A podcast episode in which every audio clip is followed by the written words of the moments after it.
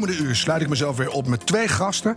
En hopelijk ook met jou in het Wiki House in Almere. Dat is een tiny house, een paar vierkante meter maar. Dat helemaal duurzaam is ingericht door IKEA. We gaan praten over onze duurzame toekomst. En dat mag lastig en ongemakkelijk worden, want we kunnen geen kant op. De vraag die in deze tiendelige podcastserie centraal staat: hoe zorgen we ervoor dat alle mensen in Nederland, allemaal, een duurzamer leven gaan leiden? Ik ben Harme Edens. IKEA koppelt mij voor elke aflevering aan een spannend duo... bestaande uit een commerciële partij... en een expert in duurzaamheid, psychologie of marketing. In deze aflevering vragen wij ons af... hoe zorgen we ervoor dat meer Nederlanders producten gaan delen? Daar heb ik het over met de oprichter van deelplatform Peerbee, Daan Weddepol. We hebben een hele samenleving gecreëerd... waarin bepaalde systemen de, op dit moment als het ware gestimuleerd worden. En... Uh, ja, daar kun, je, daar kun je tegen de stroom in gaan zwemmen. Maar het is beter nog volgens mij als we met elkaar proberen om dat hele systeem te veranderen. En Mark Woerden, hij is de oprichter van reclamebureau Lens en ook van Let'sHeal.org. Een non-profit organisatie die creativiteit inzet om de wereld beter te maken. Als je laat zien hoe graag Nederland wil delen en hoeveel er te delen is... en dat echt een beetje, nou dat hoeft niet over de top, maar dat heel inzichtelijk maakt... ja, dan denk ik dat je zo van die 250 naar, uh, naar een miljoen kan. Mark en Daan, welkom in de Wiki House. Dankjewel. De eerste keer in een klein huis? Ja, ik geloof het wel.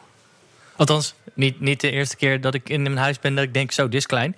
Maar wel de eerste keer in een bewuste tiny house. Een officieel klein ja, huis. Ja, ja, Nee, ik ben er wel vaker geweest. Ik vind het een gekke ontwikkeling. Ja, maar hoe woon je zelf? Uh, heel groot. Ja. Maar ik heb zelf wel de neiging om uh, heel klein te wonen. Ik zou ook heel goed op een hotelkamer kunnen wonen. Maar mijn gezin denkt er anders over. Ja, dat is echt een verschil. Dat is een groot verschil. Dus jouw kinderen met ja. name denken, oh, niet te dicht bij pa. Ja, en mijn vrouw. Vrouw ook. Altijd die vrouw weer. Um, Daan, mm -hmm. er ligt iets voor je neus. Heb je meegenomen? Ja, ja dit is een uh, RJ45 krimptang. Dat dacht ik eigenlijk meteen toen ik ja, het zag. dat dat te zien, toch? Ja, wat is ja. het? Een krimptang? dit is een, uh, een tang. Dit is het laatste wat ik heb, uh, heb uitgeleend. Op mijn, uh, op, op, bij Peerby. En het is een tang waarmee je netwerkkabels kan maken. Dus je, je, je, je neemt dan een soort van, van, van stekkertje. En die zet je. Oh, oh, ik laat het bijna vallen. Die steek je dan in dat, in dat ding. Zo. Ja, je bent nu ongelooflijk aan het prutsen met de krimptang. En dan, en dan, en dan kun je dat zo zo knip je als het ware die, uh, dat, dat stekkertje eraan. En dan en, heb je een uh, netwerkkabel voor je, voor je huis. Dan kun je van je, van je wifi access point naar je slaapkamer of zo uh, iets leggen. Ja, ik vind dat je het echt heel goed hebt uitgelegd. Ik begrijp er niks van. Jij wel, Mark? Ja, ja, ja, ja, ik begrijp het wel. Ik maar ben het is heel a-technisch. Het is dus best moeilijk. Zo'n, maar dit is bijvoorbeeld een voorbeeld van een ding wat je niet zelf hoeft te hebben... maar dat, maar dat leen je dan even. Ja, maar dit heb je één keer in je leven nodig. Nou, misschien een paar keer als je, als je af en toe verhuist. En dan ligt het daar weer in een kast. Ja. Niks te doen. Ja. Tot, je had een, ja. Je had een dieptepunt in je leven nodig om een nieuw startpunt voor je carrière te krijgen. Je, je was je baan kwijt en je relatie ook. En toen dacht je, erger kan het niet. En toen was je je huis ook nog kwijt, want dat brandde af. Ja. Ja. Hoeveel signalen had jij nodig vanuit het universum voor duidelijk was dat je schoon schip moest maken? Ja, best wel veel. Uh, maar dit, dit was wel, uh, ja, dat, dit, op een gegeven moment was er gewoon niks meer. Ja, dus dan, ja, dan is alles op. De signalen zijn ook op. Er is verder niks, niks meer wat, er nog, wat je nog kan verliezen, zeg maar. Maar ga even terug naar dat moment. Ja. Ging dat snel achter elkaar? Ja, dat was wel een hele korte tijd. Uh, dus dat, ja, het was in, denk ik in een, in een periode van misschien één of twee maanden dat dat allemaal gelijk zo uh, ja, verdween. Mm -hmm. ja. En hoe lang geleden is dat? Dat is 2009 was dat. Ja, begon op Valentijnsdag, weet ik nog. je kwam met het foute cadeau aan en daar stond je. Nou, dit was de, de brand uh, was, uh, was op die dag. Want ja, je ex-vriendin ja. had het huis aangestoken. nee, nee, maar dus de, de, dat, dat was toen nog niet mijn ex-vriendin. Maar de, de brand heeft daar niet bij geholpen, laat ik zo zeggen. We zijn oh, alle twee uit huis gered. En, de, en waren daar alle twee op een andere manier lichtelijk getraumatiseerd door. En dat, dat ging niet goed samen. Ja. En hoe ging het bij jou toen verder? Want dan sta je letterlijk, zoals je zei, met niks. Ja. En dan kijk je de wijde wereld in en denk je, wat nu? Ja, in het begin is dat helemaal niet leuk. Dat was, uh, ik, ik, ik wist toch gekkigheid niet wat ik moest doen. Dus ik, ik wil, ik, ik, je voelt dan een soort, althans, ik voelde een soort van drang van ik moet iets, ik moet iets, ik moet dit oplossen. Maar wat deed uh, je tot dan toe? Ik, heb een, wat ik, uh, ik was tot dan toe technisch directeur van een softwarebedrijf. Dat, althans, dat was de baan die ik toen had. Mhm. Mm -hmm. En die, dat, de, die baan hield op te bestaan. Dat is ook nog wel een apart verhaal, maar dat zal ik misschien voor later bewaren. Uh, in Tsjernobyl is die opgehouden. Daar hadden we het net toevallig over voor de... Voordat we begonnen met het officiële gesprek. In Tsjernobyl hield je, hield je baan op. Daar hield mijn baan op, ja. Ik vind het wel een mooi punt ook. De, de, de, nieuwe directeur van het bedrijf, uh, wat mijn bedrijf overnam... waar ik technisch directeur was, die vond mij niet racistisch genoeg. En dat was een probleem in Oekraïne. Ja, dat, snap ik wel. Ja, ja. Dus, ja en toen stond je daar en toen dacht je, ik moet wat. Uh, ja, uh, het, het, eerste wat ik deed, werkte heel slecht, maar is een, een enkele reis naar, naar uh, Istanbul boeken. In de mhm. hoop dat ik daar dan door te reizen zo mij, mezelf weer zou, zou herpakken. en toen ben ik volgens mij in een soort moordend tempo half Europa doorgereisd. En kwam ik erachter dat al die, ja, die, die, zeg maar die on, on, onprettigheid die ik ervoer, dat ik dat gewoon overal met me meenam. Dat ik daar helemaal niet voor kon vluchten. Ja, je vluchtte voor jezelf weg, maar dat bleef gewoon natuurlijk. Ja, ja. En toen kwam je weer thuis, je had niks. Eh, toen begon je te lenen bij de buren. Denk ik, want je, je had niks. Ja, het is, het is, eh, dat is het, het korte verhaal. Het, het iets langere verhaal is dat ik, uh, op, ik. Ik moest de confrontatie eigenlijk aan met: ik heb niks, ik ben nu even niks, ik doe nu even niks. Uh, en, en, en daarin uh, dan toch uh, ja, uh, naar, naar een feestje toe gaan en mensen dan vragen: God, wat doe je eigenlijk? Dat je dan moet zeggen: Nou ja, eigenlijk helemaal niks. Oh, waar woon je dan? Ja, nergens eigenlijk. dat is een hele gek. Maar op een gegeven moment merkte ik van ja, nou, dat, dat gooide ik dat dan maar, vertelde ik dat dan maar gewoon. En merkte ik dat mensen eigenlijk heel, als je, zeker als je daar een hulpvraag bij hebt, dat mensen eigenlijk heel graag helpen. Um, en en ik, dat was eigenlijk het eerste inzicht, een soort van verandering van ik wilde heel zelfstandig zijn en vooral uh, laten zien van nou ik heb alles, ik kan alles, ik ben alles en uh, ik heb helemaal niemand nodig. En ik merkte eigenlijk dat het veel leuker is om als mens een uh, soort van, van open en kwetsbaar te zijn en vragen te durven stellen. En dan dat, dat versterkt eigenlijk het contact wat je ook krijgt met de ander. Dan ga je kijken, wat kunnen we eigenlijk met elkaar? Heel mooi inzicht eigenlijk. Ja, ja. Toen, nieuwe inzicht was er? Ja, en, en, toen dacht ik, als ik nu weer iets ga doen, dan wil ik, dat, uh, wil ik iets doen wat mensen verbindt. En ik ben altijd aan het nadenken over hoe kun je dingen efficiënter maken en beter maken en slimmer maken. En uh, dus ik ging zitten denken van wat, waar hebben we nou heel veel van? Uh, wat, omdat we eigenlijk ons niet verbinden, nu eigenlijk geen weg vindt. En toen las ik op een gegeven moment het boek What's Mine is Yours van Rachel Botsman. Dat is een, zij is de eerste die de term collaborative consumption heeft verzonnen. Dus samenwerkend consumeren. Ja. Uh, ik had de visioen dat je met elkaar rond een slagroomtaart 3, 2 en go. En dan heb je hem heel snel op samen. Dat is denk ik competitive consumption. Ja, dat is ook zo. Ja. maar toen dacht ik, hé, hey, wacht even. Ja, al die spullen die we hebben. Dat is, we hebben een enorme overvloed aan, aan, aan zooi eigenlijk. Zoals zo'n krimptang. Oh. Ja, die is nu achter de smint aan. Dus, ja. en uh, en uh, ja, dat, dat, dat moet, daar, daar kan ik de verbinding gaan creëren. En toen had je dat bedacht, toen ben je aan de slag gegaan. Hoe lang duurde het voordat die naam Peerby daarbij kwam? Oeh, dat heeft nog wel even geduurd. Ik was op zoek naar heel veel namen. Ik zat te denken, het is een soort golf die zich rondom uh, je, je huis als het ware verspreidt. Je stelt een vraag en dan gaan we dat rondsturen. Uh, dus ik heb, volgens mij heeft het Rippler ge geheten als prototype. En, en Hoehoi. En, uh, Hoe? Hoehoi? Huh? Die namelijk, hoe, over de heg, hoi, kan ik een schaar lenen? Ja, ja, ja, zo, ja, een rare naam. Soms wel goed natuurlijk. Ja. Buurhuur heeft het ook nog geheten. Vind ik Zodat je de vieze dingen doet met je buurvrouw. ja, ja. Er zit hier een reclameman en die komt zo aan het woord. Dus ja, uh, nu wil ik zo even weten wat je van die namen vindt, Mark. Maar, en uiteindelijk Peerby, waar, waar kwam die vandaan? Van, eigenlijk van peer-to-peer -peer en van uh, nearby. En uh, toen heb ik een hele tijd zitten wikken en wegen. Gaan we nou peer buy of peer B zeggen? En eigenlijk ben ik er nog steeds niet uit. Uh, toen dachten we, peer B is, is vriendelijker. Dat past ook bij het kabouterlogo wat we hebben. Maar het is eigenlijk is het ook weer peer buy van nearby. Dus ik heb het uh, maar... Ik vind het nog steeds... Ik kom er niet uit. Misschien dat ik nou wat, wat advies kan krijgen over waar, wat ik moet doen. Maar nou ik heb, zelfs nog, omdat ik het zo frustrerend vond, geprobeerd... Ik heb geprobeerd om gewoon peer.com te kopen. Zodat ik van dat hele dilemma af zou zijn. Maar dat was van de fruittelers? dat was van iemand in Singapore ergens niet wilde, weet ik veel. Nou heb je dit mooie verhaal. Je stond op een nulpunt. Je hebt er een heel mooi verhaal bij gemaakt. Misschien was het ook echt zo. Maar ik kan me echt voorstellen dat de noodzaak voor jezelf om dingen te gaan lenen ineens eh, het hoogste was om tot het inzicht te komen. Of was het wereldverbeterende was al. Uh, ja, meteen nou ja, aanwezig. Het, uh, ik, ik, heb inderdaad, ik heb wel bij mensen gelogeerd en ik heb wel dingen moeten lenen.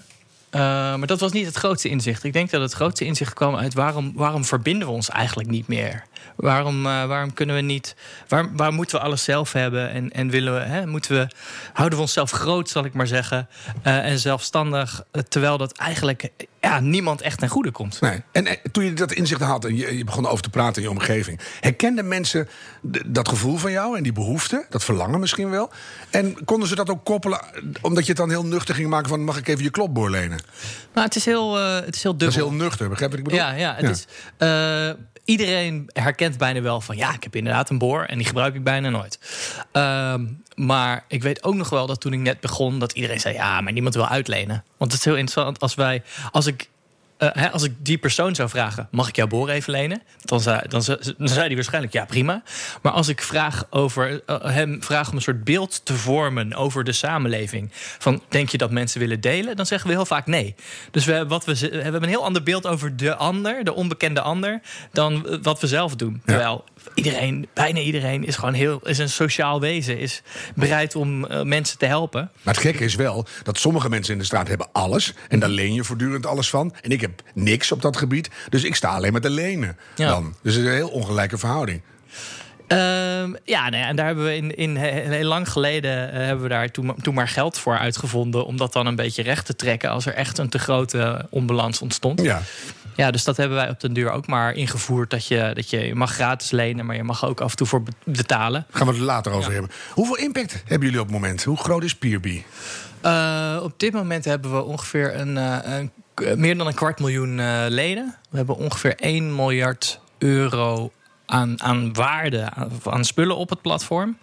Uh, en die impact, ja, die is, uh, dat is nog best wel heel moeilijk te berekenen. Uh, want dan moet, je een, uh, een, dan moet je van al die producten gaan kijken, wat is de impact? En er zijn heel veel verschillende modellen voor, heb ik gemerkt. Mhm. Mm -hmm. Het enige wat ik wel weet is dat het, het onderzoek wat mij heel erg inspireert, zou ik maar zeggen, is het onderzoek van Babette Porcelein. Die is volgens mij. Die komt ook in deze serie. Ook in deze serie. Ja. Ja. en die heeft onderzoek gedaan naar de impact van ons als consument. Ook de verborgen impact die we ja. eigenlijk helemaal niet weten. Precies. En, die, en dan zie je als je dat, die, dat lijstje bekijkt, als je dat allemaal optelt, dat spullen eigenlijk de allergrootste impact hebben van alles wat we doen. Dus ik heb het proberen uit te rekenen, volgens mij iets van 38 procent. Dus dat is, als het, volgens mij is dat meer dan vliegen en vlees eten bij elkaar. Ja. Um, dus de, de, uh, en, en dan kun je dat gaan recyclen. Dat he, bespaart natuurlijk uh, uh, grondstoffen.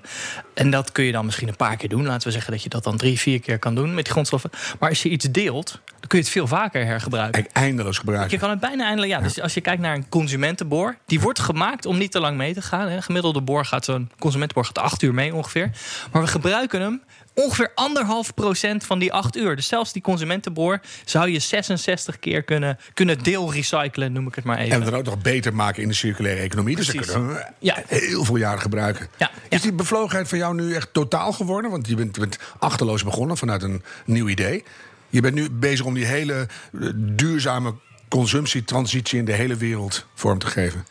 Ja, ja, eigenlijk wel. Ja, eigenlijk wel. Veel, hè? Want van niks ja. naar alles. Ja, ja. Dat is echt wel een enorme transitie bij jou ook. Ja, en ik ben, ik ben ook niet echt begonnen als een. Als een uh, ik merk dat ik steeds activistischer word, zal ik maar zeggen. Dat ik begon als iemand van. Ah, dat gezeur over duurzaamheid en milieu. Ik ga gewoon een leuk uh, websiteje maken. En naarmate ik. He, daardoor ging ik me wel in verdiepen van wat is eigenlijk de impact. En van wat, wat, wat, uh, wat, wat kost dat nou eigenlijk al die spullen wat, he, aan, aan, aan grondstoffen en noem maar op. Mm -hmm. En eigenlijk hoe meer ik daarover te weten kom, hoe meer ik denk van, ah man, we moeten hier echt iets aan doen, we moeten iets gaan veranderen. Wat vinden de grote productenmakers van jou? Ben je nog welkom bij Black Decker? Nou, um, Bestaat dat nog? He helaas voelen de meesten zich volgens mij nog niet bedreigd. En dat betekent eigenlijk dat we nog niet genoeg uh, uh, impact maken. Dat we ze, ik, ik kijk uit naar de dag dat ze zeggen: Oh, wacht eens even, dit. Uh, het wordt eng. Ja, het wordt eng. Dan, ja. Want dan, hebben we echt, dan zijn we echt iets aan het bereiken. Maar dan moet je echt in gesprek met elkaar. En ja. dan heb je die verbinding die jij nou echt wilde. Ja. Dus ja. die, die tijd komt nog. Ik kijk, Mark, wat, wat zou jij niet lenen van je buren? De neustrimmer gebruik je niet zo vaak. Jakkers. wat zou ik niet lenen? Nou, dingen die, die echt stuk kunnen gaan. Uh, ik zat natuurlijk ook nog even op Peerby te neuzen. Mhm. Mm. En dan kan je een biermer huren. Maar mijn buurman heeft ook wel een biermer thuis staan. Ik weet niet of ik dat 1, 2, 3 zou lenen. In, uh... Kwetsbare dingen. Dat je, mm. Ja, Ja, uh, zelf uitlenen, ik herken dat heel goed. Daar zou, heb ik geen enkel probleem uh, mee. Wat ik, uh, ik wilde graag dat inzicht nog even onder, onderschrijven. In 2006 hebben wij Burendag, Burendag bedacht. voor Douwe Egberts en later ook het Oranje Fonds. Ja, je bedenkt altijd dingen voor iemand en niet voor jezelf. Maar ja, nou, ja, nou, ja, nou, uiteindelijk heb ik het ook voor mezelf bedacht. Want ik ging net in Haarlem wonen. En ik woonde op een pleintje. En ik kende daar niemand. En um, ik had zelf wel de behoefte aan burencontact. Maar ik dacht, het, dacht eigenlijk dat de ander dat niet wilde. Precies eigenlijk hetzelfde inzicht. Als je dat aan de buurman zou vragen, dan zou die zeggen... nou, ik wil eigenlijk best wel contact met de buren... maar ik denk dat de ander dat niet wil. Dus op het moment dat je dan een momentum creëert... in ons geval Burendag, dan doorbreek je eigenlijk... en ik denk dat dat is wat, wat uh, Peerby ook een beetje in de weg staat... Uh, sowieso die uitleen-economie... dan doorbreek je de verlegenheid. Ja dat zou je niet zeggen. Ehm, misschien ook niet hier aan tafel. Maar heel veel Nederlanders die, zijn, die lijken wat botterig en uh, hartstikke tolerant. Maar eigenlijk zijn ze heel erg verlegen. En keer op keer merk dat dat inzicht heel veel mooie dingen tegenhoudt. Maar zodra je dus een momentum hebt, zoals Burendag, waar afgelopen jaar meer dan een miljoen mensen aan meededen. Ja of uh, Peerby, mhm. dan, of Marktplaats, dat is ook zo mooi, of de Nextdoor-app, dan, dan, dan ontstaat dat contact. En dan vinden mensen dat eigenlijk, wordt het bijna moeilijk om je buren weer uh, uit je huis te krijgen. bij die tiny houses hier ook. Heb je hier ook, ja. buren ja. zijn overal. Ja. Ik herken dat wel. Als ik op Marktplaats iets koop, dan probeer ik het altijd zelf op te halen als het mag. Ja, ja. Vind ik zo leuk. Dan, dan, zie je van wie het was. En dan denk ik, oh leuk. Jij, jij bent een creatieve reclameman. Dat is meestal natuurlijk. Maar jij zet je creativiteit ook echt in voor een betere wereld. Ja. Waar, waar kennen wij jou van bijvoorbeeld? Noem eens wat. Waar je mij, nou, Burendag, hè, daar, daar kan je me van kennen. Uh, wat veel mensen ook wel zouden kunnen kennen... is het uh, virtuele meisje waarmee we in 2014... webcam sekstoerisme op de kaart hebben gezet. Dat is door uh, nou, bijna 2 miljard mensen inmiddels wel gezien. En dat heeft geleid tot heel veel geredde kinderen. Ja. En heel recent... Maar de, de, hoe ben je erop gekomen, nou je toch hier aan tafel zit... Ja, dan, dan we kennen het, allemaal, maar dan, ik vond nogal wat. Ja, dat was inderdaad nogal wat. Um, uh, ik had een boek geschreven over hoe je met creativiteit de wereld zou kunnen redden. Um, uh, ik heb eigenlijk marketeers over de hele wereld cijfers gegeven dat het zin heeft om, uh, om wat pro-socialer te worden. Uh, en na twee jaar toeren dacht ik, uh, ik moet nu laten zien wat de reclamewereld kan doen. Uh, wat zou onze impact kunnen zijn als mhm. we de meest radicale vorm van creativiteit loslaten op de wereld. en dat betekent dat je je open moet zetten voor allerlei problemen. en ik heb heel veel problemen voorbij zien komen. En deze kwam op een ochtend ik denk dat mijn zelfbeschermingsmechanisme uh, um, nog niet helemaal aanstond. Maar ik las de ochtendkrant en daar stond een artikel met de directeur van Terre de Zom. En die vroeg om geld om kinderen in opvangcentra in de Filipijnen te helpen. En die kinderen waren slachtoffer van iets waar ik toen nog nooit van had gehoord. Namelijk webcam sekstoerisme. Ja. En toen dacht ik, ja, die kinderen daar helpen, dat is heel erg goed. Daar moeten we geld voor overmaken. Maar moeten we die vraagkant ook niet kapot maken? Uh, en als je later ook ziet hoe die kinderen, uh, wat die kinderen allemaal moeten doen en hoeveel het er zijn, ja, dan, dan krijg je dat, dat, dat, dat vuur en dat is niet te stoppen. En dan, uh, en dan uh, met, is het toeval, in dit geval heel goed uitgepakt. En zo kwam het omhoog. Ja. En zo kwam het twee jaar later in het nieuws. En dat is een hele individuele benadering. Maar je hebt ook alle religieuze leiders samen in een commercial gezet. En dat is dan precies eigenlijk de andere kant van het plaatje. Hoe ben je daarop gekomen? Uh, nou, uh, uh, Sweetie was in de wereld een, een, een, een, prachtig project. En daar mocht ik overal ehm, over vertellen. En na afloop van een van die praatjes in Londen... werd ik aangeschoten door een collega-reclamemaker. En die zei, Mark, ehm, je moet wat doen aan de manier waarop mensen mij zien. Ik, ik dacht, oh, zo een onder flauw grapje ah, of zo. was het? nee, gewoon een aardige reclamegast. Oh, en hij zei, uh, uh, mensen denken dat ik een terrorist ben. Uh, en ja, nou ja, hij zei het erbij, hij was moslim. ik, had het, ik had het niet geraden. En toen ben ik gaan verkennen. En ehm, toen zag ik eigenlijk dat over de hele wereld... mensen, dat is eigenlijk weer een misverstand... mensen denken dat iemand met een ander geloof hen niet mag. Terwijl dat in werkelijkheid niet waar is. Nou, en dat misverstand is een vervelend misverstand. Want als ik denk dat jij mij niet mag, ook al is het niet zo, dan ben ik toch in staat om jou eerder te slaan dan ik normaal gesproken zou doen. Ja. En zo krijg je vanzelf allerlei spanningen. Hoeft geen oorlog gelijk te worden, maar een onprettige spanning. En dus je dacht, ik zet die mensen bij elkaar? nou, en toen dacht ik, allemaal? Nou, toen dacht ik, nou, uh, hoe moet ik die spanning dan doorbreken? Uh, dan kan je natuurlijk met lokale leiders gaan werken. Uh, dat gaat heel goed, maar dan heb je nog niet die machtige beweging. En dan krijg je altijd die kritische journalisten die dan zeggen... ja, maar... ik dacht, nou, zou er niks eigenlijk is er niks mooiers als de, de meest prominente religieuze leiders van de grote stromingen uh, zouden uitspreken. Noem ze maar even. Dat je mag openstaan voor iemand van een ander geloof. Sterker nog, dat je er vrienden mee mag worden. Nou, en uh, ik denk dat we die wel gevonden hebben. Um, nou ja, we hebben uh, natuurlijk de paus, de Dalai Lama, maar ook de chief rabbi van Israël, de voormalig chief rabbi Jonathan Sacks, Shia-leiders, belangrijke Soenitische leiders, Hindoe-leiders. Wie was het lastigst? Um, nou, uh, mm, uiteindelijk was niemand lastig. Het was alleen lastig om erbij te komen. Uh, dus de leiders wilden allemaal wel. Maar het, uh, het kost een hoop reclamepower, om het zo maar te zeggen... om door die lagen eromheen te komen. Maar daar ben jij van. Dus en daar ben ik van. Heb je niet ja. laten tegenhouden. Volgens mij hebben we een klein stukje. Laten we even dat luisteren. Dat is altijd goed. Dank je. Personal contact. Personal friendship. Then we can exchange deeper level of experience. Honor other religions like you do your own. We need to get together and know one another just to discover and explore those uh, commonalities. Ja. ja. Zo kan het wel even doorgaan. je zit meteen ademloos te luisteren. Ja. Naar jullie ook, maar dit is ja. misschien nog mooier. Ja, is, ja, ja, als ik het zelf zou kunnen doen, had ik het natuurlijk zelf gedaan. Maar is dat bij jou echt de kern van wat je nu aan het doen bent? Want je, je, je hebt je grote reclamebureau ooit verkocht. Je bent voor jezelf echt betere, impactvollere dingen gaan doen. Is dat vanuit een persoonlijke behoefte om dat te gaan doen? Want je verkoopt niet alleen producten meer. Nou, ik ben niet de enige die dat, die dat heeft. Er is gewoon een, een, hele, er is een hele grote behoefte aan, aan, aan zingeving bij mensen. Uh, dat zie je overal. Mensen zijn op zoek naar zinnig werk. Zijn op zoek naar uh, andere manieren om ertoe te doen. Maar jij zelf dus ook. En ik zelf ook. Nou, uh, Wat oud ben je nu? 44. Ja. Uh, en mijn talent is toevallig dit talent. Uh, ik ben ook een mislukt pianist. Uh, daar kan ik niemand mee helpen. Weet je niet. Uh, nou, ja, nou, je kan erom lachen misschien. maar je, dit is toevallig mijn talent. En ik heb het geluk dat ik in de omstandigheden ben... en ook de mensen ken met wie je samen dit soort dingen kan doen. En was dat iets artikel wat je in de krant las toen je Defense Shield nog niet op was... was dat echt voor jou het beginpunt dat je dacht... hé, hey, ik ga zinvollere dingen doen? Of was dat langer aan de hand? Nee, dat, dat, zat er, dat zat er eigenlijk al voor. Want ik merkte toen we ons bureau in 2000 begonnen...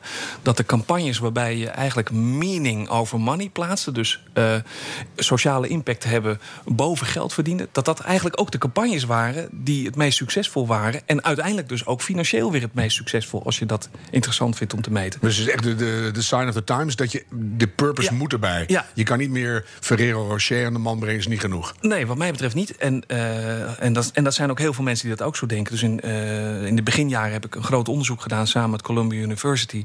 Waaruit blijkt dat mensen nog steeds heel erg op zoek zijn naar zingeving. En dat vind je, het, het gevoel van een zinnig leven, door anderen te helpen. Dus niet door de action alleen maar leeg te kopen. Ja, je kijkt nu echt naar Daan en die zit nu Maar heel dus hard te ook- knikken. ja, maar dat is ook zo. Dat vinden jullie elkaar, hè? Ja, nou, nou ja, hartstikke. Ja. Hartstikke. En de duurzaamheid, wanneer kwam dat erbij? Is ook zo'n zingever. Ik merk dat ik dat heb eh, weggestopt. Ehm, ik, ik ben zelf een, een, een, een groene jongen. Ik vind dat schitterend. Ehm, maar het was, voor mij was het een te groot probleem. En ik denk dat de doorbraak kwam eh, dat ik dacht... daar kan je dus wel wat aan doen toen ik eh, de oprichter van Just Dig It ontmoette. Eh, en zij hebben een methode ontwikkeld om... ehm, ja, kapot land te vergroenen. Ja. En als je maar lekker gaat vergroenen, dan kan je alles wat je opwarmt, de aarde, ook weer afkoelen. En toen ik dacht, oh, als dat ook kan, dan moet ik dus ook ooit iets gaan doen eh, aan het, nou, het versnellen van de op, opwarming van de aarde of iets dergelijks. Ja, dus- en, dat is, en dat is wat mijn volgende onderwerp gaat worden. Maar iemand anders had het, dat veel te grote probleem voor jou kleiner Ja. gemaakt. En toen dacht je ineens, Oh, dat en kan nou ook kan al. ik aanhaken. Ja, ik had het dus ook kennelijk al geblokt van, oh, daar kan ik, dat, daar, daar kan je niks mee. ik kan kijk- zelf wel wat doen, maar Kijk even naar Daan, dat doen veel mensen. Hè? Dat het zo groot is dat we zeggen, nou weet je, we laten het maar even waar het zit. Ja, nou, en dat snap ik eh, heel goed. En ik, ik, ik moet je zeggen dat ik eh, eh, daarom. het- Ik denk dat het. eh, ja, jeetje, waar zal ik eens beginnen? Dit, want dit is een heel complex ding. Hmm. Je, je bent machteloos, sta je, voel je je als consument. Van wat kan ik nou, wat kan ik nou uithalen? Want als ik het in mijn eentje doe, dan, eh, dan gebeurt er helemaal niks. Eh, ik vind ook dat in heel veel communicatie eigenlijk er te veel macht bij de consument ook wordt gelegd. Zo van ja, maar als iedereen nou beter koopt, dan eh, zou de wereld eh, er niet zo uitzien. Terwijl ik denk, ja, het zijn consumenten, maar het zijn oh, zeker ook bedrijven. Het is zeker ook overheid. Ja. We hebben een hele samenleving gecreëerd waarin bepaalde systemen de, hè, op dit moment als het ware gestimuleerd worden. En eh, ja, daar kun, je, daar kun je tegen de stroom in gaan zwemmen. Maar het is beter nog, volgens mij, als we met elkaar proberen om dat hele systeem te veranderen. De stroom veranderen. Dus ja, precies. Ja. Daar willen we het eigenlijk in deze aflevering specifiek over hebben. Ook heel erg wel aan de consumentenkant. Maar die spullen. Eh, We kopen steeds maar nieuwe spullen. En dat levert echt, je noemde het net al, heel veel klimaatschade op. Babette Porcelein werd net genoemd. Expert op dat gebied die rekent het uit. Nou, dan kom je tot verbijsterende nummers. En eh, hoe kunnen we er nou voor zorgen dat mensen spullen niet alleen maar weer gaan kopen, maar ook gaan lenen? Daar ben jij natuurlijk expert in, Daan. Is dat genoeg dat peerby er is? Ik kijk even bewust naar jullie alle twee. En dat dat langzaam groeit. En dan komen we er wel uit. Of moet dat in de kern fundamenteel anders? Kijk eerst eens even naar Mark. Ja, dat is altijd goed. Ehm, ja, ik denk dat het in de, in, in de kern fundamenteel anders moet. Het begint denk ik al op school. Eh, het begint in je opvoeding. Ehm, er zijn natuurlijk heel veel... eh, we gaan het alleen maar hebben over Nederland, denk ik. Hè?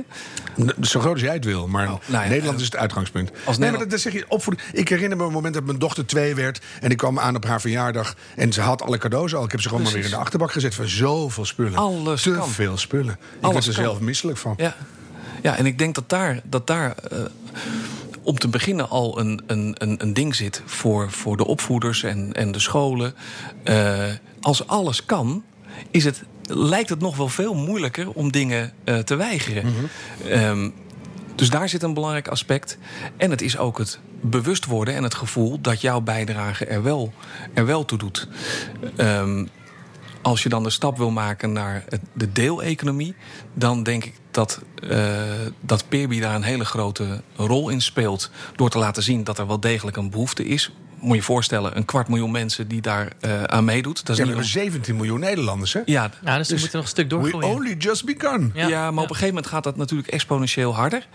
Ehm, alleen dan moet je dus niet meer die groep hebben. eh, zoals jij of zoals ik, die dat mooi vinden. Maar mensen die denken: oh ja, dat moet ik ook gewoon doen. Ja. Ehm, dus dat zit in een gedeelte zit het in, het in het opvoeden en steeds maar meekrijgen in de media. En de media besteedt er ook steeds meer aandacht aan. En de, de mazzel is, hè, als je het wil versnellen, de problemen worden ook steeds groter. Ik lees nergens: oh, de problemen worden steeds kleiner. Nee, de problemen worden steeds groter. Dus die Ja. druk wordt ook steeds groter om daar wat te doen.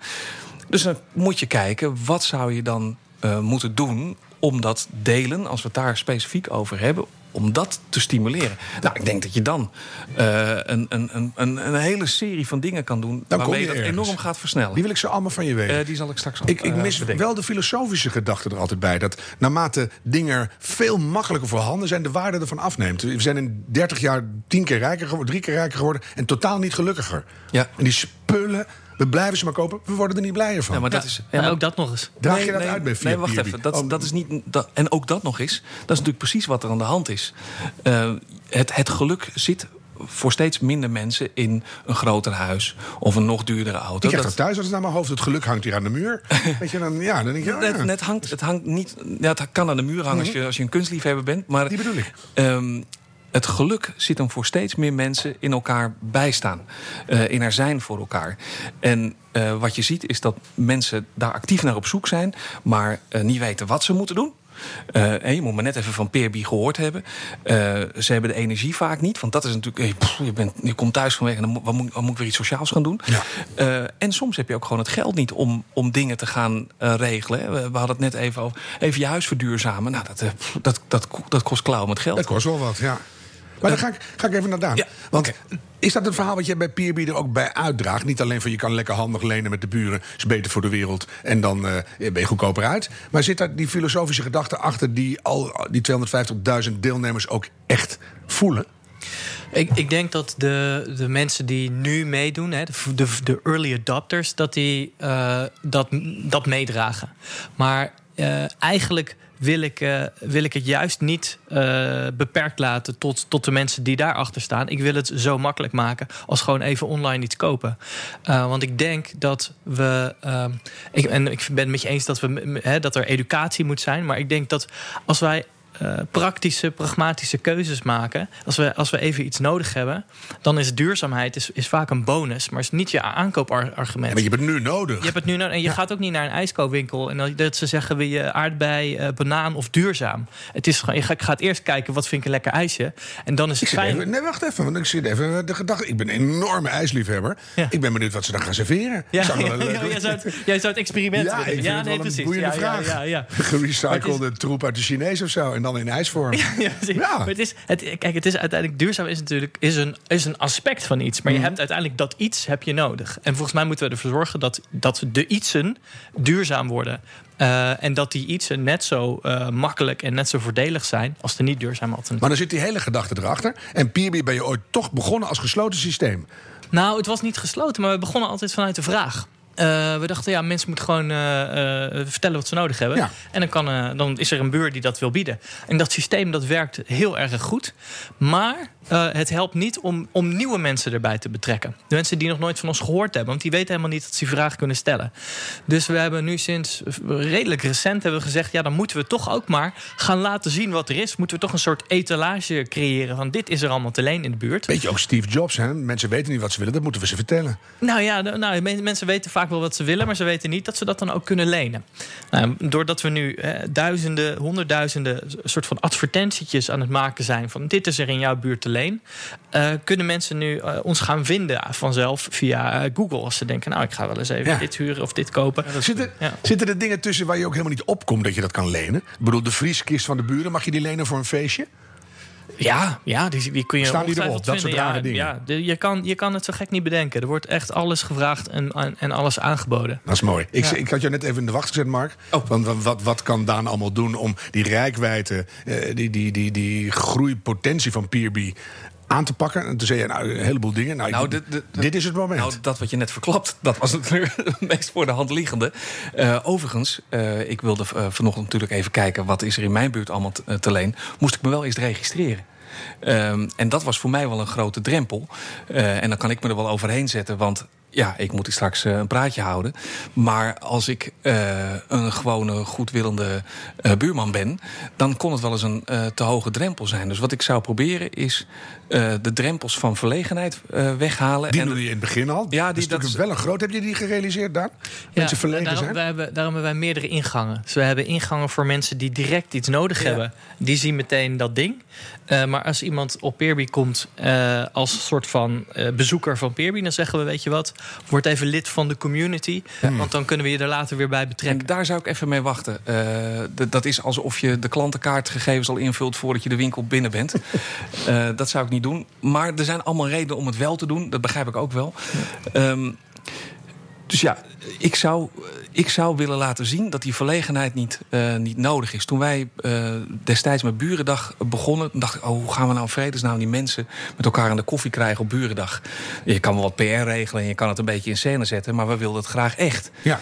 Ehm, en de eerste gedachte, toen we daar met, dat doen jullie waarschijnlijk ook heel veel. Je praat dan met consumenten, oh, in dit geval dan met, eh, met buren. En ehm, daar kwam steeds naar boven, ja, ik wil het wel, maar de ander wil het niet. Dus wij dachten, we moeten eigenlijk maar één ding doen. Laten zien dat de ander heel graag contact wil. En dat zou in jouw geval dan zijn, laten zien dat de ander het heel graag wil uitlenen. Ik wil, ik wil het zo graag lenen. Ik heb zo'n mooie ladder staan. Denk, wat Ik zou er mis zijn met die ladder? ik heb zo'n mooie ladder staan. Leen hem alsjeblieft. Ehm, en het is helemaal niet erg als je langskomt. Ik vind het zelfs leuk als je langskomt. Ehm, Is dat ook een manier om het van bol.com te gaan winnen?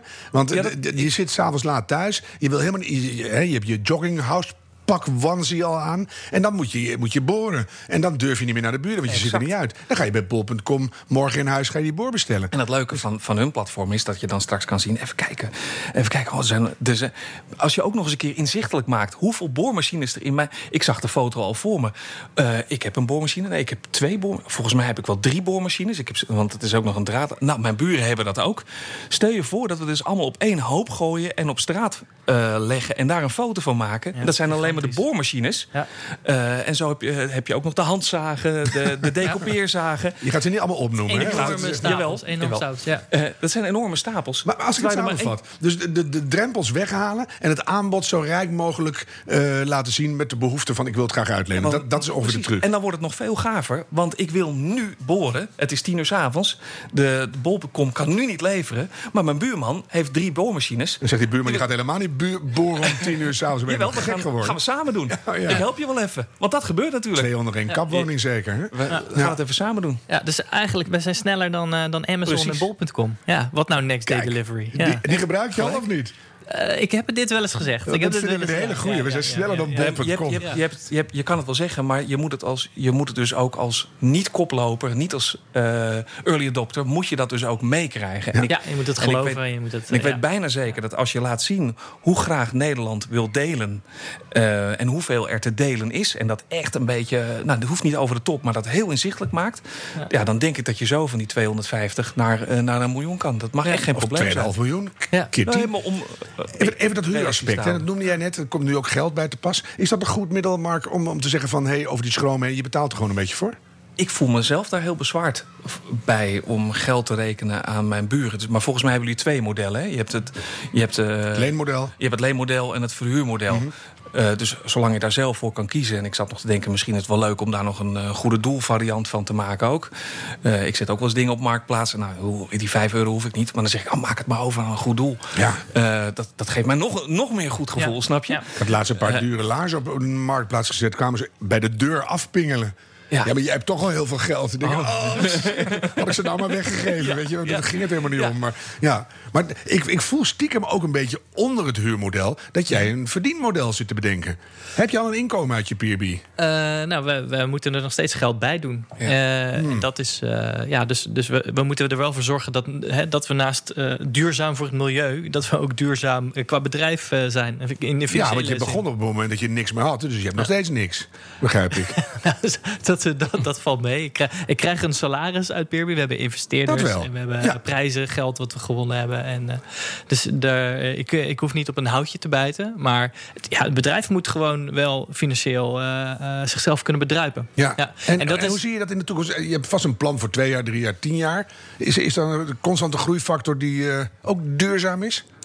Ehm, we hebben eigenlijk de afgelopen zes jaar heel eh, veel eh, werk moeten steken in het, in het laten kloppen van het model. Dus de, eh, de eerste twee jaar hebben we überhaupt moeten kijken: kun je mensen spullen met elkaar laten delen? Want dat was wereldwijd nog niet gedaan. Ehm, en, en toen daar hebben we een manier voor ontdekt. Dus we waren heel trots. Ik, en toen ontdekte ik zelfs van: hé, hey, wacht eens. Ik, ik dacht dat we concurrenten hadden in de in de Verenigde Staten. Maar die, dat werkt helemaal niet. Er wordt helemaal niks ge- gedeeld. Nee. Dus ik dacht, toen dacht ik, we zijn er. Maar eh, ja, eh, er wordt niks verdiend. Eh, we hadden geen manier om te groeien, noem maar op. Ehm, dus toen, toen zijn we verder gaan zoeken. Vervolgens hebben we gekeken. We, hebben eigenlijk, we zijn niet eens begon, nooit vanuit het verdienmodel begonnen. Maar begonnen vanuit, wat, wat kunnen we doen om het, om het delen nou nog makkelijker te maken. Mhm. Nog fijner te maken. En er was een groep mensen die zeiden, ja, ik ga ah, dit niet uitlenen. Want het is gewoon hartstikke duur. Ja. Ehm, toen dachten we, nou, dan moeten we het verzekeren. Maar als je het wil verzekeren, dan moet daar, ja, dan kunnen wij tegenover niet- staan, Ja, ja. Tegenover staan. Ja. En, eh, en we merkten dat sommige mensen zeiden, ja, als ik iedere keer iets ga lenen bij de buurman, dan wordt het een beetje gênant. Eh, dan ga ik liever, betaal ik liever een beetje. Die snap ik ook wel weer. Ja. Maar ga, je nou winst maken in de toekomst? Dat, is eigenlijk de verkapte vraag. Gaan wij winst maken? Eh, ik hoop het wel, want dat betekent dat we, dat we heel veel mensen laten delen. Want ik was laatst in Nijmegen in Bergendal. Ken je het buurtje? Ja, en daar hebben ze Bergendeel bedacht Ah. zelf. Dus dat is een lokale oplossing. Dus iedereen die denkt, hey Pierby, goed idee. Ik gooi even een eh, platformpje in mijn, in mijn buurtje. Weg is je idee. Hoe bescherm je dat? Ehm, ja, dat, eh, uiteindelijk ho- hoef je volgens mij een idee voor een platform niet te beschermen. Eh, want als een platform het echt goed doet, dan is dat de plek waar iedereen samenkomt. Ja. Dus het idee van Marktplaats, dat kan je heel makkelijk kopiëren. Je kan die site kun, kun je zo opzetten. Je kan hem eh, bij wijze van spreken morgen waarschijnlijk gekopieerd hebben. Ja, maar dan wil je Alleen- het aanbod van een heel land. Terwijl als je, die boormachine moet je toch bij de buren over de heg lenen. Dus als je dat lokaal oplost, prima idee, lijkt me. Ja, ja nou, dat valt, valt, het is toch nog wel wat ingewikkelder hoor, om dat echt eh, te laten werken. Kijk je naar andere platforms voor inspiratie? Ja, Welke ja, dan bijvoorbeeld? Ja. Ehm, poeh, nou, heel veel. Dus we kijken eh, naar alle andere deelplatformen. Hè, naar, naar een Airbnb, naar een Uber. Eh, ik, heb, ik kijk naar alle, alle platformpjes in de wereld die zoiets proberen te doen als wij. En sommige zijn heel succesvol, andere die eh, ja, Ja. de meeste falen helaas. Laat ik even twee fragmenten laten horen van een interview met Victor Tol. U wel bekend van Snapcar. Daar kan je een auto van een particulier huren. Ja. Het is meer de, de natuur van het model, zeg maar. Dus een Airbnb verdient ook geen geld. Eh, en een heleboel andere partijen ook niet. En het lastige aan dit model is dat het een relatief langzaam groeimodel is. Omdat je namelijk vraag en aanbod bij elkaar in een grootstedelijk gebied moet matchen. Eh, dus dat vergt best wel wat techniek om dat voor elkaar te krijgen. Je moet marketing doen aan de vraag- en de aanbodkant. Eh, ook nog eens een keer in sync met elkaar, anders werkt het niet. Ik had gedacht dat het veel sneller zou gaan qua groei. Dus ik heb me vergist in de complexiteit van het model. Eh, het is natuurlijk wat anders als je een of andere online webshop in iets begint. Dan zet je de marketingmachine aan de vraagkant aan. Dan moet je zorgen dat je voldoende producten hebt. En dan niet zo dat het heel simpel is, want ook dat is ingewikkeld. Maar in ons geval met zo'n two-sided marketplace met vraag en aanbod lokaal is best wel lastig. Met de gedrags, gedragsverandering component aan de, aan de aanbodkant, dus met auto-eigenaren meenemen. Dus het is wel een van de lastigere businessmodellen die je kan bedenken. Dus dat heb, daar heb ik me wel in vergist. De kern van het fragment. Het is een heel complex businessmodel en het groeit traag. Ja, Wat ja. zeg jij dan, Daan? Ja, helemaal mee eens. Dus het, het, het kernidee is natuurlijk super simpel. Gewoon spullen lenen van elkaar. Ja. Maar als je dat vervolgens als een, als een werkende marktplaats moet gaan bouwen. Nou, ik, eh, ik heb heel veel geleerd over statistiek en eh, over eh, hoe je gedrag van mensen kan eh, proberen te veranderen. Hoe, over hoe je advertentiekanalen moet inzetten. Hoe je aan twee kanten dat matcht met elkaar. Dus we, we zijn een plat, platform wat op twee manieren een longtail heeft. We hebben enorm veel producten en enorm veel plekken. En dat aan twee kanten. En dat moet dan op de een of andere manier allemaal bij elkaar komen. Zie je, het is nu al complex. Ja. Dus ik kijk even naar de andere Ja, kant. dat- Mark. Nou ja, ik, ik zat ook te denken, hoe, hoe, hoe kan je hier nou geld mee verdienen? Hè? Ja. Want, het, eh, want ik vind het moeilijk om geld te rekenen. En ja, als ik iets wil huren, nou, dan doe ik het wel bij een verhuurbedrijf. eh, want dan zijn het vaak die moeilijke dingen. Ehm, tegelijkertijd voel ik heel veel sympathie. En ik ben natuurlijk niet de enige, want anders zouden die andere mensen ook geen eh, klant, lid zijn. En wat natuurlijk het mooie is van een eh Peerby met zoveel sympathie, is dat je misschien ook zou kunnen denken aan een model waarbij het niet per transactie gaat, maar waarbij het gaat over een lidmaatschap. Eh, ik kan me namelijk best voorstellen eh, eh, dat ik jullie wil steunen met een, met een aanschaf van een lidmaatschapskaart of een abonnement van, weet ik veel, 10, 20 euro. Dat geeft me recht op een boormachine en, een, en nog iets anders per jaar. Ehm, dan haal je dat financiële component uit de transactie. Eh, en dat lullige moment bij- dat je iets moet betalen aan je Dan krijg je buurman. dan niet dat je aanbelt. Ik heb hem net uitgeleend aan mevrouw Jansen. Oh, nee, ja, maar dat- ik heb een tientje betaald. Ik wil nu boren. Ja, dan, dan- krijg je dat weer. Ik denk het niet, dan onderschat je eh, of overschat je de, de, de goedheid van de mens. Ja. Eh, ik, ik denk dat het in de praktijk niet zo is. Maar ik dacht wel, dat is een tussenvorm die eh, in ieder geval kapitaliseert op de, de grote droom, namelijk. Eh, die spullen moeten weg. Of er moeten in ieder geval geen nieuwe spullen bij, of zo min mogelijk. Ehm, Is dat een hebben idee? jullie daarover Een- hebben jullie abonnementje? daarmee gespeeld? Ja, we hebben daar wat experimentjes eh, op gedaan. En dat, dat bleek nog niet zo makkelijk. Maar we hebben lang niet alles uit de kast eh, gehaald, denk ik nog, om dat eh, te, te proberen. Maar. Ik, eh, als ik kijk naar mijn grotere visie, wij willen graag dat ieder product onderdeel wordt van een regeneratieve cyclus. En daar, dan moeten we volgens mij toch toe naar een soort van transactiemodel. eh, waarin in ieder geval de kosten van dat, dat product betaald gaan worden. En ik zie eigenlijk het, het delen nu direct met elkaar. eh, als, een, als een eerste stap naar een model waarin eigenlijk alle eh, eh, mensen in zo'n circulaire economie, de, de fabrikanten, de reparateurs en noem maar op, waarbij we met ja, elkaar ja. zo'n heel systeem gaan creëren en waarvoor bij, waarbij ieder stapje ook een businessmodel is. Want uiteindelijk moet, moet dat volgens mij een economie worden. Het moet een circulaire economie zijn. Ik vind het mooi dat je dat noemt, want dat, daar wilde ik nou precies naartoe. Hoe, hoe lang duurt het voordat die bedrijven bij jullie aanschuiven... en dat je met elkaar die keten gaat veranderen? Ehm, niet heel lang meer. Eh, wat ik begin te zien is eh, dat we heel lang waren wij de, eigenlijk de enige die dit voor elkaar kregen. Eh, wij hebben nu een model gevonden dat werkt. Ondertussen zie ik in Engeland, in de VS ook modellen ontstaan die werken. Ehm, en, en die opeens ook financieel heel goed beginnen te draaien. Eh, daar word ik heel blij van. Niet, niet omdat ik daar eh, zelf dan eh, geld mee kan gaan verdienen. Dat is natuurlijk ook fijn. Maar vooral omdat het betekent dat ik tegen een fabrikant kan gaan zeggen: hey, die, die 10.000 booruren die wij in, in Amsterdam nodig hebben, Ja. die mag jij invullen. Als jij met een hele goede boor komt. Een boor die heel lang meegaat, die heel makkelijk te repareren is, die heel makkelijk gedeeld kan worden. Dus je gaat ook weer bij jullie van product naar dienst... en dat, dat, dat- die, die machine is eigenlijk een onderdeel in die cyclus. Ja, ja precies. Ja. Wat is niet heel lang meer? Oeh, nou ja, ik- de, ik denk dat we- je onder, ik overschat altijd het effect op de korte termijn. Dus eh een nou, nog goede maar kwaliteit eh, één van of je. twee jaar. Ja, dat hoop en ik dan, eh, en, dan, en dat halen we niet, maar dan op de lange termijn eh, onderschatten we het effect. Dus, Nee, eh, 2,5 jaar, ja. daar zetten we hem Ja. op. Want dan zitten Ja. we hier weer in dit tiny house. En dan eh, gaan we even de balans opmaken. Eh, De, de politiek, moet die nog even iets sturen? Ik heb een fragment uitgezocht van eh, eh, wat die leeneconomie misschien zou kunnen bevorderen. In Nederland hebben we deze platforms gestimuleerd en dat is ook goed, want ze genereren werkgelegenheid, dus te stimuleren ondernemerschap en te laten ook innovatie zien in bestaande sectoren. Dus als ze klein zijn, dan krijgen ze bij ons de ruimte en dat uh, werpt ook zijn vruchten af. Maar ze hebben de neiging om groot te groeien en uh, opnieuw een monopolie te vormen, dus anderen weg te drukken uit de markt. En dan zie je, zoals uh, in Amsterdam bijvoorbeeld met het verhuur van kamers, dat dat overlast genereert op straat, ook valse concurrentie deels aandoet aan de bestaande bedrijven, maar ook voor ons als consumenten gevaren oproept over privacy, onze autonomie. Zo gaat dat met innovatie. We welkom verwelkomen die. En uh, we moeten dus nu ook al nadenken, ook bij nieuwe innovaties, van nou ja, geef ze de ruimte, maar verhelder nu al hoe je ze ook kunt reguleren op het moment dat ze uh, volwassen zijn.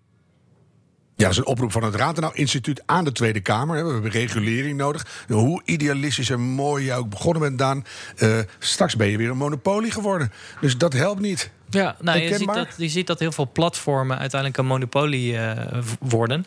He, omdat het een winner, het is een winner takes all. Je hebt een netwerkeffect. Iedereen mm. zit erop. Dus zit iedereen erop. Dus zit niemand uh, ergens anders. Uh, um, ik denk dat daar nu oplossingen voor beginnen te ontstaan. Maar dat is wel een zorgelijk iets. Hè? Dus je ziet heel veel platformen die inderdaad volledige dominantie hebben op een bepaald gebied. Niet alleen maar in de deeleconomie, maar ook als je kijkt naar een, een Google of naar een Facebook. Uh, die hebben, die, er is gewoon eigenlijk geen serieuze concurrentie meer. Nee. Uh, wat we volgens mij moeten doen, en, uh, en dat begint te ontstaan, is dat we kijken naar meer decentrale oplossingen. Uh, dus oplossingen waarbij je juist die macht weer een beetje gaat verdelen. En dat kan bijvoorbeeld via blockchain. Kun je, ehm, kun je met elkaar het controle houden. Met elkaar de controle. In plaats ja. van dat er één centrale autoriteit is. En daar moet nog heel veel in ontwikkeld en gepioneerd worden. Maar volgens mij is dat waar. Ik, ik denk dat het goed is als we daar naartoe gaan. En wij zijn ook aan het kijken naar hoe kunnen we die circulaire economie mm -hmm. op die manier gaan vormgeven. Via een netwerk in plaats van via één centrale autoriteit, zeg maar, die dat dan. Zo is het voordeel van langzaam groeien, dat je dan dat mee kan nemen in je groeiproces. Ja, dat is, het, ja, dat is dan het voordeel. Ja. Nou zijn we bijna 50 minuten met elkaar in gesprek al. De tijd vliegt. Je hebt even aan elkaar kunnen snuffelen. Wat, wat zit hier voor een mooi uh, samenwerkingsverband, Mark? Wat kan jij doen voor PRB? Zodat die consument thuis denkt: hé, hey, ik moet lenen. Want dat willen we uiteindelijk. Nou, daar kunnen we, daar kunnen we zeker uh, over doorpraten. Ik, maar goed, we, uh, we kennen elkaar nog maar heel erg kort.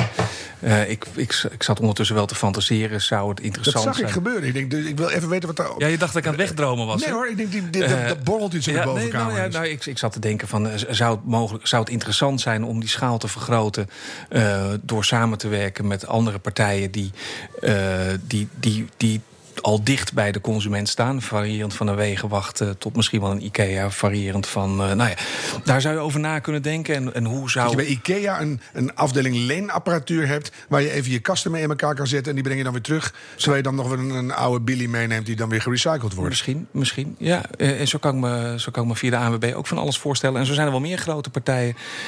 maar ik was nog niet klaar met die gedachte... en toen kwam je al met je volgende droom. die, die, eigenlijk, die, die, die ik mogelijk nog veel interessanter vind.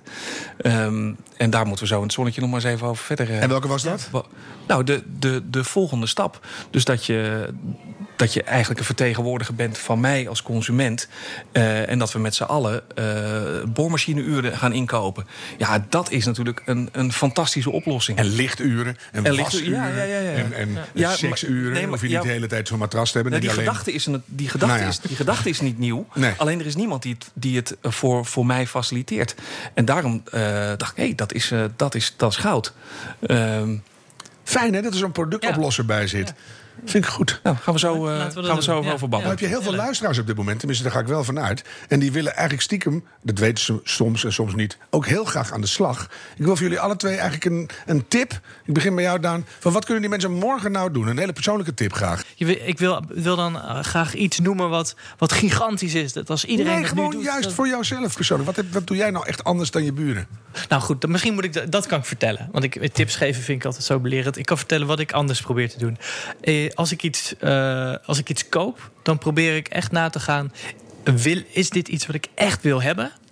ehm, is het iets wat ik, wat ik de komende 20, 30 jaar van mijn leven, leven wil gaan koesteren. Mijn hemel. Ja, Ja, nou, en, en, ja. en dan investeer ik er echt in. En dan probeer ik iets te kopen wat echt mooi is, wat echt lang meegaat, wat goed te repareren is.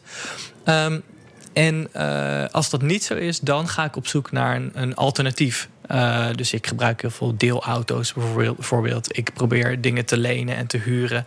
Eh, ik heb een tijd in een, in een gemeubileerd appartement gewoond. Omdat ik dacht, ja, dit is een soort van tussenfase. Alles wat ik nu koop, daar moet ik toch uiteindelijk weer eh, vanaf, zeg Ja. maar. En nu heb ik dan een, een huis gevonden waar ik waarvan ik denk, ja, hier wil ik echt een tijd lang wonen. En dan, dan ga ik mooie dingen kopen. Dus ik probeer bewust om te gaan met de, de soort van de levensduur. En Ik doe eigenlijk hetzelfde, maar dan formuleer ik het anders. Dan zeg ik, kan ik nog leven zonder dit of dat product? ja, En als het product dan heel hard naar me roept, nee, nee, dan moet ik het aanschaffen. En meestal dan hoor je helemaal niks, oorverdovend stilte. Dan denk je, en door. Dus dan, heel veel dingen hoef je niet meer te hebben. Ouder worden is ook goed hoor. ja. Word je simpeler. Dan denk je, nou, word ik niet blij van. Mark, een hele persoonlijke tip. Hele persoonlijke. Ja, ik heb een hele persoonlijke. Eh, wij hebben net ons huis van een eh, F-label omgebouwd naar een A-label huis. En er hoort van alles bij. Eh, en, en de leukste vind ik de recycle douche die we hebben ingebouwd. De recycle douche. De recycle Die is gemaakt van oude fietsstangen? Of nee, die recycelt het douchewater. Dus de eerste 30 seconden spoel je zelf schoon, of een minuut, spoel je zelf schoon met, met schoon leidingwater. Mhm. En daarna vangt de douche het water op en pompt die met een reusachtige kracht, eh, 25 liter per minuut, door de, door de douche heen. En zo bespaar je eh 90% 90% water. En hoe lang douche je gemiddeld? Eh, Ja, ik, heb, ik meet het nooit op, maar lang genoeg om het eh, voor, voor de recycle douche altijd heel erg schuldig te, te voelen. Ja. Eh, en mijn kinderen vinden het ook heerlijk lang douchen. En nu kunnen wij dus schuld, schuldvrij douchen. Nou, dat is. Oh, mooi. Daar gaan we het in Ja. een andere aflevering weer eens wat langer over Recycle douche. Zijn er dan bepaalde dingen die je dan niet meer kan doen in de douche? Eh, dat, zover ben ik nog niet. Dat horen we de volgende keer. Dat nog hoor je graag. dan. Ik ga jullie enorm bedanken. Daan Wedderpol van Pierby en creatief strateeg uit de reclame-industrie. Ja. Wat een prachtige term. Mark Woerden. Fijn dat je luisterde naar deze podcast vanuit het Tiny Wiki House in Almere. Deze heel Nederland duurzaam podcast wordt je aangeboden door IKEA. Wil je weten wat je concreet nog meer kan doen om een duurzamer leven te leiden? En wie wil dat nou niet? Luister dan ook naar de andere afleveringen in deze podcastserie. En abonneer je via de app van BNR. Hou hoop en doe het duurzaam.